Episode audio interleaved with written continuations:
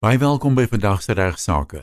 Môre Ignas. Goeiemôre luisteraars en goeiemôre Ian. Ek sit nou en dink aan 28 jaar al dink ek wat ek deel is van hierdie program en elke keer glo dit as jy wil is dit nog steeds vir my lekker om met die luisteraars te gesels. Ek het die voorreg gehad om saam met talle anker mense hierdie program aan te bied oor die 28 jaar. Ek dink aan mense soos Gideon van der Berg wat nie meer met ons is nie. Dan was daar Nikki van der Berg wat ek baie jare mee saam dit baie geniet het om hierdie program uh, aan te bied. En dan natuurlik was daar tussenin mense soos Betty en ander, maar Ion, jy's ook nou al 'n baie lang ruk saam met my en is so groot voorreg om ook vir jou as ankerman te en die prokureursorde van Suid-Afrika sê ook vir jou dankie vir die rol wat jy speel om uh, die reg meer toeganklik te maak vir die lede van die Suid-Afrikaanse publiek deur middel van hierdie program. Die skrywe ontvang van Fransjo Rousseau. Hy sê eerstens baie dankie vir die pyp program en hy's 'n gereelde luisteraar. Hy sê hy kom van uh, daarvan die oogaftree landgoed af daar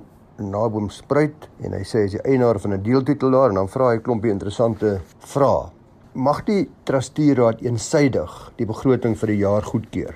Uh hy sê die trusteeraad verwys na sekere wetgewing wat hom nie oortuig nie en dan sê hy die trusteeraad sê ook dat die COVID inperking het 'n rol gespeel, maar hulle het geen poging aangewend om die regspersoon se goedkeuring te verkry nie. Daar's ook nie gewag sê totdat die COVID beperkte algemene jaarvergadering moontlik gehou kan word nie. So dit is toe nie gehou op 'n normale wyse nie. En dan vra hy indien daar dringende onvoorsiene uitgawes is waarvoor daar geld benodig word, kon 'n tydelike verhoging of spesiale heffing mos gevra word. Uh daar's geen aanduiding van so 'n nood nie en hy het 'n aparte kennisgewing aangeheg wat uh, nou al hierdie dinge uitspel deur die regspersoon wat gesirkuleer is aan al die eienaars. Hy sê uh, daar kan nou op hierdie stadium 'n vergadering gehou word met die trusteeraad sê dis te laat. Dan oor verhogings en heffings vir die jaar, onderhewig aan goedkeuring van die begroting sê daar's geen aanduiding gegee dat daar 'n onvoorsiene dringende uitgawe is waarvoor die verhoging nodig is nie. Die verhoging is nie behoorlik aangekondig wat hom betref vir die tydperk totdat die begroting goedgekeur kan word nie. Dis 'n verhoging asof die regspersoon die begroting met die verhoging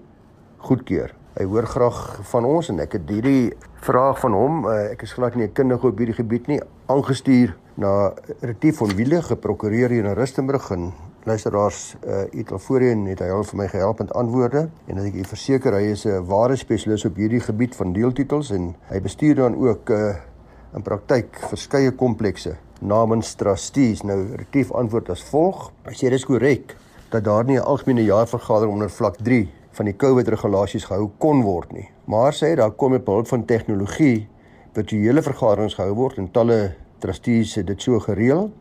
Maar dan sê hy ook en ek dink ek stem met hom saam, hy sê sy ervaring van virtuele vergaderings van eienaars veral in aftreeoorde is ongelukkig nie baie goed nie, nie baie suksesvol nie. Hy sê verder hy aanvaar dat 28 Februarie die jaareinde was van hierdie spesifieke deeltitel groep Uh, en hy sê daarom het die trustees heeltemal tereg op 21 Januarie 2021 besluit geneem om die heffings vanaf 1 Maart 2021 te verhoog. Dan sê bestuursreël 21 uh, sub artikel 3B maak voorsiening dat 'n beheerliggaam sterkte van 'n trustees uh, besluite hy sê bestuursreëls 21 en hakies 3B maak voorsiening dat 'n beheerliggaam op grond van 'n uh, trustee besluit die heffings aan die einde van die finansiële jaar met 'n maksimum van 10% mag verhoog tot en met die datum van goedkeuring van die begroting by die jaarvergadering. Dan sê paragraaf 2 van hierdie trustee resolusie eh, se verwysing na die toepaslike wetgewing is nie heeltemal korrek nie. Hy sê die bedoeling met die klousule waarna hy verwys is om voorsiening te maak dat 'n heffing verhoog saam met die begin van die finansiële jaar. En dit maak natuurlik die begrotingsproses vir almal baie makliker en omdat die finansiële state gewoonlik eers 'n paar maande na die finansiële jaar einde beskikbaar is, daarom vind algemene jaarvergaderings eers plaas nadat die finansiële jaar al 'n paar maande oud is. En derhalwe moet daar ook gewag word voordat die begroting goedgekeur kan word. So in die praktyk wat gebeur is, luisteraars, is in praktyk neem die trustees as 'n besluit om die heffings te verhoog vanaf die begin van die finansiële jaar, in hierdie geval aan 1 Maart, en hierdie verhoging is dan geldig en dit bly van krag tot en met die jaarvergadering. En op die jaarvergadering wat normaalweg eers 'n paar maande later plaasvind, word die begroting dan goedgekeur en dan word daar besluit of die verhoging soos wat die trustees dit geïmplementeer het toe die finansiële jaar begin het van krag bly en of dit aangepas moet word. So dis 'n tussentydse besluit en moet bekragtig word op 'n jaarvergadering daarna. Dan sê in die geval van Franswa se kompleks, die trustees ook begrip daarvoor hê dat die verhoging net geld tot en met die algemene jaarvergaderings waar die eienaar self dan oor die verhoging besluit Dan moet 'n vergadering gehou word, 'n jaarvergadering. Dit moet volgens bestuursreëls 17 subartikel 1 binne 4 maande na die finansiële jaar gehou word. In hierdie geval dus dit Maart, April, Mei, Junie voor einde Junie. Trustees moet sorg dat daaraan die COVID regulasies voldoen word wanneer so 'n vergadering gehou word. En dan sê ek eh uh, Retief van Willig dat indien trustees nog steeds nie 'n vergadering wil hou nie. Retief sê verder dat indien trustees nog steeds nie 'n vergadering wil hou nie, kan hulle wel in terme van bestuursreël 17 subreël 10 voorsiening maak om met behulp van tegnologie so vergadering te hou dis virtueel. Luisteraars laastens sê om 'n begroting goed te keur is 'n funksie van die eienaars, dit het ek al voorheen gesê. Dis nie iets wat die trustees alleen kan doen nie. Indien die trustees dan nie 'n vergadering wil hou nie, moet hulle in terme van bestuursreël 17 subreël 9 toestemming kry van al die eienaars om nie die vergadering te hou nie en ook toestemming kry om die heffings vir die res van die jaar te verhoog soos wat hulle gedoen het in Januarie. Baie dankie aan Retief van Wielig en ek seker dit antwoord François se vrae behoorlik. As luisteraars dalk van sy dienste gebruik wil maak teen sy normale vergoeding, vra wil vra en hy sal natuurlik sy vergoeding daarvoor hef en vir die kwotasie gee, kan hulle skryf aan Retief van Wielig by retief@vonlaw.co.za. So is Retief by vonlaw is v o n l a w.co.za. Retief weer eens baie dankie. Ons het talle navrae ontvang van talle van julle wat vandag luister oor die hele saak rondom ons oud-president Zuma en sy versuim moet ek eintlik sê hardnekkige weiering om voor die Zondo-kommissie te verskyn. Ek is seker elke Suid-Afrikaanse burger is op een of ander stadium al gekonfronteer met 'n gesprek of 'n nuusverslag wat gehandel het oor die Zondo-kommissie en die kommissie se ondersoek in terme van die vermoedelike staatskaping deur talle en ook onder andere is daar vingers gewys na staatspresident Zuma en van sy kabinetslede. Nou dis in die algemeen uh op die oomblik kennis dat oud-president Zuma weier om voor die kommissie te verskyn. En die vraag wat ek seker elkeen afvra en wat baie van u vir ons gevra het is, hoe kan hy dit doen? Wat is die gevolge wat hy in die gesig staar en wat is die gevolge vir die regstelsel in die algemeen? Soos die media en baie meningsvormers aandui, is dit nie net 'n uitdaging vir die kommissie nie en in hierdie prosesse is dit ook 'n uitdaging van die hele regstelsel, maar is waarskynlik ook deel van 'n politieke spel. Uitspeel in ons land se hoogste politieke kringe. Soos jy weet, bied ek die programme aan namens die Prokureursorde van Suid-Afrika in. Prokureurs soos 'n mens kan dink, verteenwoordig elke moontlike politieke ideologie en politieke party in ons land waaraan 'n mens maar kan dink. Terloops, ek kan miskien maar net vir u sê daar's statistieke van Julie 2018 wat aandui dat op daardie stadium was daar ongeveer 27200 prokureurs in Suid-Afrika en ook 7000 kandidaatprokureurs. Interessant dat omtrent 15000 op daardie stadium uh wit prokureurs was. Dit wil sê meer as die helfte, 56% om die waarheid te sê. En op daardie stadium was daar 33% wat nog steeds wit manlike prokureurs was. Totaal was daar op die laaste statistieke 60% manlike prokureurs en 40% vroulike prokureurs. Nou dis dit duidelik dis luisteraars dat die beroep is nog nie regtig behoorlik getransformeer nie. Kyk ons egter na die kandidaatprokureurs. Statistieke is dit baie duidelik is glashelder 'n transformasie baie vinnig plaasvind in die prokureursberoep. Uh want van die byna 7000 kandidaatprokureurs 2 jaar terug was 63% swart en 37% wit 57% was vroulik en 43% manlik. En is ook interessant net daar is uh, op daardie stadium was dat 12370 regsfirmas in Suid-Afrika waarvan meer as 10000, dis byna 80% enkel praktisyns is. Prokureurs hou maar van om alleen te loop in, in die meeste gevalle. So luisteraars, uh, ek gaan dus op hierdie program nie die politieke arena betree nie, maar slegs die regsbeginsels en die regsaspekte van toepassing op meneer Zuma se optrede behandel. So kom ons kom terug by meneer Zuma en al sy uh orasies of wat kan mense dit noem? Manewales dalk, uh eskapades. Die regsantwoord is natuurlik baie maklik. Want soos almal weet, is ons in Suid-Afrika 'n regstaat. Ek het al baie met u die gevolge daarvan oor die jare heen bespreek. En daarin lê dan die eenvoudige antwoord, nee, vir dat ons 'n regstaat is. In 'n regstaat is wette in beheer. Dit word gemaak deur die parlement, ons wettige verkose volksverteenwoordigers. En dit word dan uitgevoer deur owerhede wat konstitusioneel aangewese is in ons land. Dis nie mense wat self besluit wanneer hulle onderhewig is aan die wette van die land nie. Uh dit kan nooit wees nie waar hierdie beginsel dan geminnig word of verwerp word, dan het mense te doen met 'n mislukte staat. Die staat bestaan dan nie meer nie en anargisme het dan normaalweg geseëvier. En dit het ons al baie oor die wêreld heen gesien en en die vraag is is ons dan nou op pad daarna toe? Uh en dis wat luisteraars bekommer.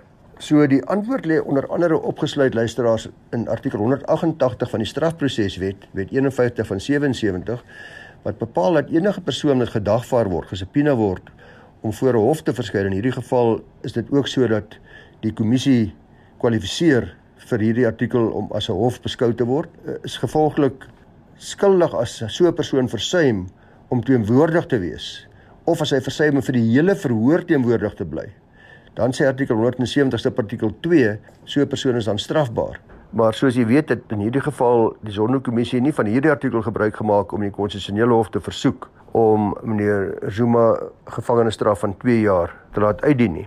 Nou is ek doodseker almal se reaksie hierop is nou is dit dan nou al? Nee nee, die antwoord is beslis baie meer ingewikkeld, want die mens moet kyk na die doel van die kommissie, veral as mense gedagte dat die uitpresident self hierdie kommissie aangestel het Dis egter belangrik om te onthou dat die president spesiale magte verleen aan die voorsittende beampte van so 'n kommissie, gevolge die wet op kommissies, dis wet 8 van 1947.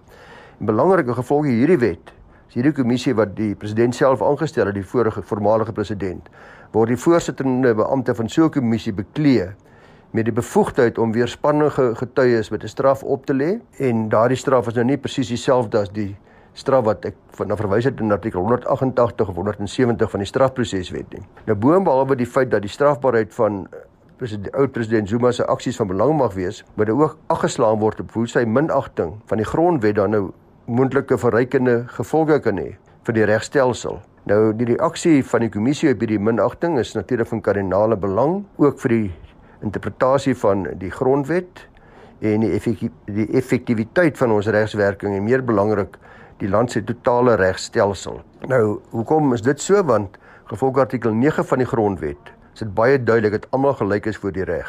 Die voormalige pres president meen op die oomblik lyk dit vir baie of hy verhewe is bo die reg. Hy sê self dit is nie so nie, hy het ander goeie redes sê waarom hy weier, uh, maar dit is nog steeds problematies aangesien die kommissie se besluit in hierdie aangeleentheid 'n president skep vir die toekoms uh, wat betref minagting van die hof en ook sulke kommissies en meer belangrik minagting van ons konstitusie. Soos ek weer wil herhaal, ek het dit nie genoeg beklemtoon nie.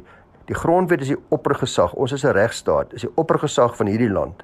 Dis dan duidelik, dit maak nie saak wie is uh, of jy die oud president van jou land is of Jan Alleman op straat nie. Hierdie grondwet moet geëerbiedig word. Soos baie luisteraars weet, sê beveiligingspolitiek dat 'n besluit dikwels geregverdig kan word omdat dit vir die algemene publiek regverdigbaar is. So dit maak eintlik staat op 'n meerderheid stem as grond vir 'n besluit. Dis bevrydingspolitiek. Uh, dit fokus nie op die grondwetlike vereistes van rasionaliteit nie. Nee, dit kyk glad nie daarna nie. Die grondwet plaas meer klem op rasionaliteit as die meerderheidssiening, want net omdat 'n besluit deur die meerderheid ontstaan, beteken nog steeds nie en dis ons grondwet se uitgangspunt dat dit rasioneel is nie. Die legitimiteit van die reg van bevrydingspolitiek nie. So die legitimiteit van die reg afhanklik wees van bevestiging deur enige spesifieke politieke party of die meerderheidspolitiese party nie of die bevraagtekening van regtelike gesag nie. Dis net nie wat die grondwet van ons verlang nie. Luisteraars sal weet dat gelukkig het ons sta huidige staatspresident verlede maand in sy slotwoorde by die vergadering van die party se nasionale uitvoerende komitee baie uitdruklik gesê dat die grondwet en die oppergesag van die reg onaantastbare komponente is vir die demokrasie en almal moet dit respekteer en ek haal aan uit sy toespraak om enigiets anders toe te laat sal tot anargie lei en die sluise maklik vir 'n teenrevolusie oopgooi. Korrupsie en staatskaping sowel as wetteloosheid is teen die kernbeginsels en waardes van die ANC. Dis luisteraars ter afsluiting. Ek kon nog baie baie hieroor gesels met ter afsluiting. Die oppergesag van die reg is die grondbeginsel van 'n demokrasie. Die regsprekende gesag is al manier waarop die uitvoerende gesag of die die politieke party met die meerderheid uh verantwoordbaar gehou kan word. Dis waarom daar 'n behoorlike skeiding altyd is en moet wees tussen die staat en die regterlike gesag, die hof. Miskenning gaan daartoe lei dat meer en meer mense dink hulle kan reg in eie hande neem.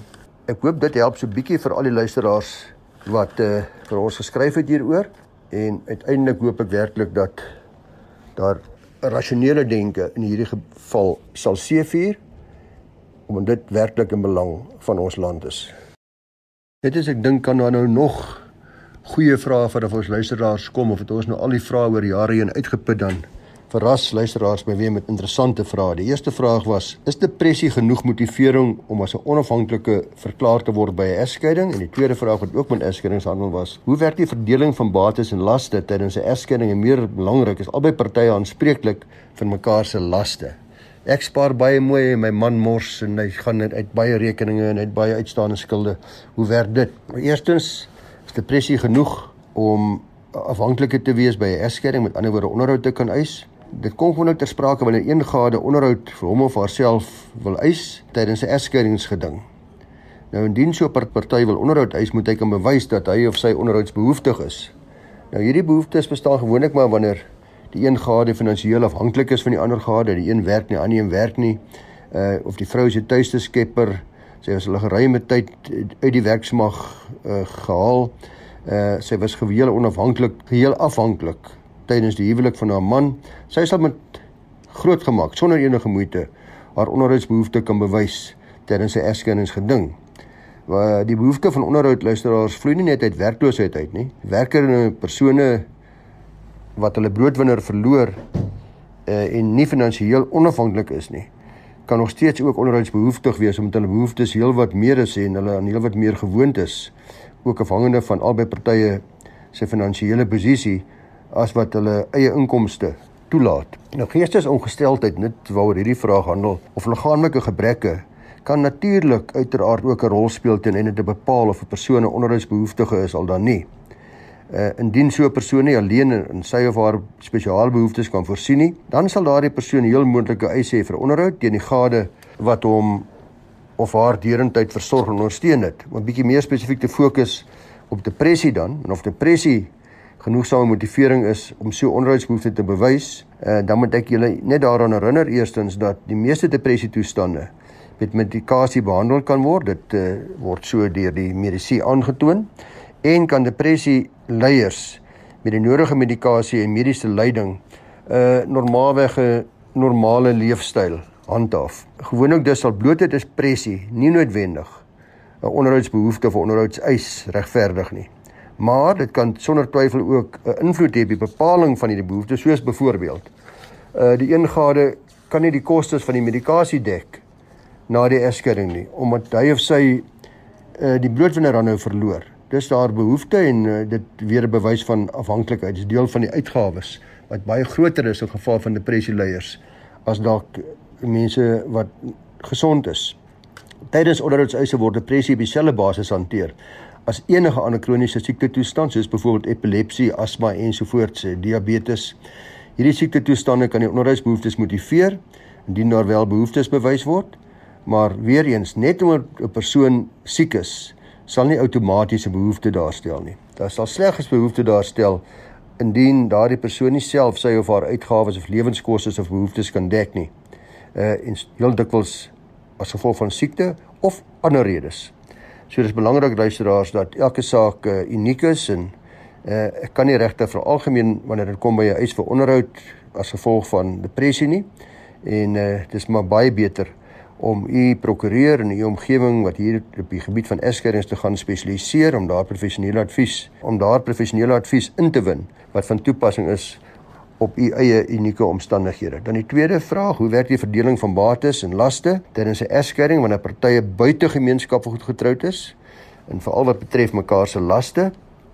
Nou, ek het al baie met u gepraat oor die verskille tussen huwelik binne gemeenskap van goedere en dan die huwelik buite gemeenskap van goed in die huwelik buite gemeenskap van goed. Dit kry mense ook dan nou met of sonder die aanwasbedeling. Maar buite gemeenskap van goed sonder die aanwasbedeling beteken bloot dat die gade getroud is, maar dat elke gade hulle eie afsonderlike boedel kan behou. Elke party is uitsluitlike eienaar van die bates in sy boedel en net wel dis wat die vraesteller vra en elke party is afsonderlik verantwoordelik vir die laste in sy of haar eie boedel. Maar wanneer mens met die aanwasbedeling kom verander dit. 'n Buitegemeenskap van goed met toepassing van die aanwasbedeling werk wel dieselfde. Elke party is versuitek eienaar van die bates in sy of haar boedel en afsonderlik aanspreeklik vir die kostes van die boedel. Maar die aanwas kom wel ter sprake by 'n egskeiding of by een van die partye se afsterwe en die aanwas sommetjie wat gemaak word waar elke gade as die boedel dan nou die, die waarde daarvan bepaal word dan word dit bepaal as volg die boedelbates minus die laste nou speel die laste 'n rol so die netto waarde van elkeen se boedel word bepaal om te kyk watter gade se netto waarde hoër is as die ander gades in. Die twee gades se netto waardes word met mekaar vergelyk en die gade wat die meeste groei getoon het, sal dan hierdie groei of soos ons dit noem die aanwas gelykop met die ander gade deel. Maar let daarop dat slegs die groei gedeel word, nie die hele boedel nie. Dit beteken nie dat die partye dus aanspreeklik is vir mekaar se laste nie. Dit beteken ook nie dat die gades gesamentlike eienaars is van die bates wat in 'n afsonderlike boedels is nie. Dit beteken bloot dat die party wie se boedel die meeste gegroei het, hierdie groei met sy of haar gade sal deel. So om op te som, wanneer gades getroud is buite gemeenskap van goed, het sy met of sonder die aanwas, sal die partye nie aanspreeklik wees vir mekaar se skuld nie. Elke party is afsonderlik aanspreeklik vir sy of haar eie skuld. Maar met verdeling van die bates met 'n egskeiding, sal die partye wel uitsluitlik eienaars van hulle eie bates bly, maar die enigste bate wat verdeel moet word, sal die bates wees wat die partye gesamentlik aangekoop het. Dis gewoonlik huisinhouds, soos byvoorbeeld sitkamerstelle, al meubels, ag en alle dinge wat saam aangekoop was. Ek hoop dit antwoord uh, ons luisteraars uh, wat hieroor bekommerd was. Ian terwyl ek nou gesels het oor depressie, het dit miskien nou 'n goeie tyd om uh, in die paar minute wat oor is om vinnig vir die luisteraars te wys na artikel 187 se artikel 1F van die Wet op Arbeidsverhouding wat bepaal dat ontslag in gevalle waar die werknemer aan depressie ly outomaties onbillik sal wees omdat die werkgewer onbillik diskrimineer teen hierdie werknemer. So ontslag net omdat iemand aan depressie ly is 'n onbillike ontslag. In 'n saak van die Legal Aid uh, die Regstelsraad van Suid-Afrika teen Jansen baie onlangs hier in 2021 het die hof die aard van die ondersoek oorweeg waar die beweerde gestremdheid in die vorm van depressie was. Dit was 'n appelhofsaak uh, teen die bevinding van 'n arbeidshof waar die hof nou gunste van die werknemer beslis het tot die effek dat sy ontslag weens wangedrag en nou hierdie wangedrag was veroorsaak deur sy depressie neergekom het om diskriminasie teen hom op grond van gestremdheid. Sy ontslag was dus on, outomaties onbillik soos in die artikel wat ek na verwys het uh, aangehaal. Die appelhof het bevind dat in 'n saak waar outomatiese onbillike ontslag geëis word op grond van depressie en dis nou belangrik dan moet daar ondersoek word of die rede vir die ontslag depressie was en gevolglik op die werknemers anders hanteer was as gevolg daarvan. So daai ondersoek moet plaasvind Iemand wat wel wil vasstel of ontslag in sulke gevalle outomaties onbillik was, moet genoegsame be bewyse lewer wat geloofwaardigheid bied dat dit inderdaad depressie se skuld was en nie ander redes nie. Die bewyse moet dan veral fokus op die beweerde gronde dat die werknemers of daai die werknemer anders hanteer was deur die werkgewer as gevolg van sy of haar depressie en die appel stel dis die arbeidshof se beslissing ter syde en kom tot die slotsom dat in hierdie geval die werknemer nie, nie daarin geslaag het om wesenlike, dit is behoorlike bewyse voor te lê mediese bewyse of ander bewyse tot die effek dat dit depressie was wat gelei het tot sy afdanking nie. Dis kon die werknemer nie daarin slaag om te bewys dat sy wel dat sy wangedrag 'n uh, onbillike aflegging daar gestel het nie en was hy regmatig ontslaan. Alhoewel hy beweer dat hy in depressie ly, maar hy kon dit nie bewys dat dit die oorsaak was van die afdanking nie. Dis al vir vandag. Sluit asseblief volgende maandag 11:30 weer by ons aan vir regsaake.